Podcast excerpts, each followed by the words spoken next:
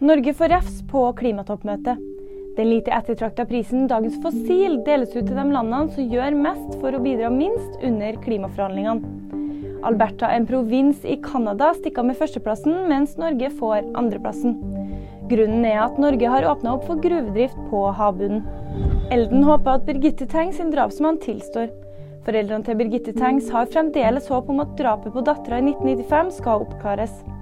Etter to runder i domstolene endte tirsdag med at Jonny Vassbakk ble frikjent for drapet. Nå mener bistandsadvokat Jon Christian Elden at bunken må snus. Taylor Swift ble kåret til årets person av Time Magazine. Magasinet kårer årets person hvert år, og i sin begrunnelse sier de at 2023 har vært et mørkt år, og at Taylor Swift har funnet en måte å krysse grensa og være en positiv inspirasjonskilde. Nyheter får du alltid på VG.